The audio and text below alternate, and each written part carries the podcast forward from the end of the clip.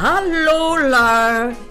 Hier is Eugenie met haar wel en wee, haar ups en downs en haar alledaagse soesa's. Luister, ja?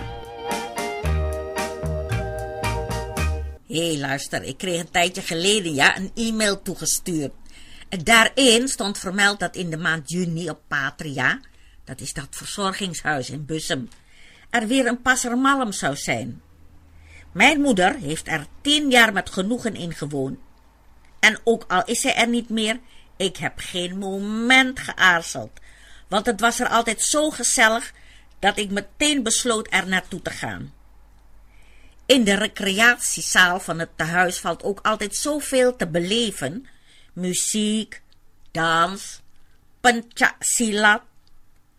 En die oude mensen die daar wonen, mogen dan ook allemaal vooraan zitten. En ik kon vaak aan die glunderende gezichten zien dat zij er zeer van genoten. Ook mijn moeder nam er graag aan deel. Wat later, toen ze slechter been was, zat zij daar in een rolstoel vooraan. Eerste klas, zei ze dan, terwijl ze haar duim omhoog stak.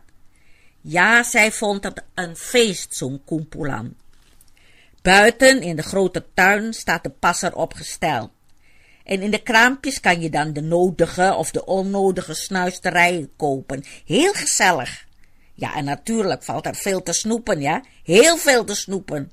En her en der op het gras verspreid zitten dan de mensen te genieten van hun net bestelde lekkernijen. En de muzikant, die onder het prieeltje staat te spelen, verhoogt de sfeer ook nog eens extra met de melodieën uit een gezamenlijk verleden en een lang vervlogen tijd. Ja, ik was weer even terug in de tijd. En terwijl ik luisterde naar de entertainer die melancholische liedjes zingt, moest ik terugdenken aan mijn moeder.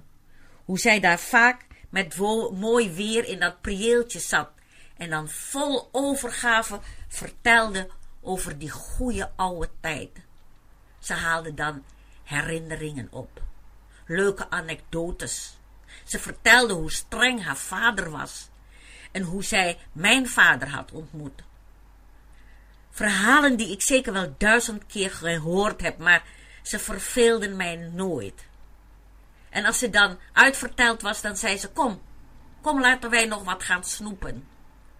Ach ja. Ik kijk naar dat prieeltje, ik luister naar de muziek. Goede herinneringen zijn nooit weg, toch? Wat ik van mijn moeder heb geleerd? Veel. Heel veel. En niet alleen maar hoe je sambal goreng telor klaar moet maken. Nee, nee, zij heeft mij ook haar cultuur overgedragen met de daarbij behorende adats. En zo, tussen die oude mensen, voel ik mij verbonden met hen. Met onze gezamenlijke roots. Want ergens blijft dat bij je hangen. Het zit geworteld in je lijf. Het is een vreemd soort van verlangen naar wat zo ongrijpbaar lijkt. Het steekt soms duidelijker de kop op. Iets wat op herkenning duidt, houdt je in zijn greep gevangen. Maar hoe komt het dat je huilt? Even word je aangesproken op dat oeroude gevoel. Maar die band, die werd verbroken. Het is die pijn die je dan voelt. Nou, lui, met dit gedicht wil ik uh, mijn verhaaltje afsluiten. Ik zou zo zeggen, tot ziens, ja. Tabé.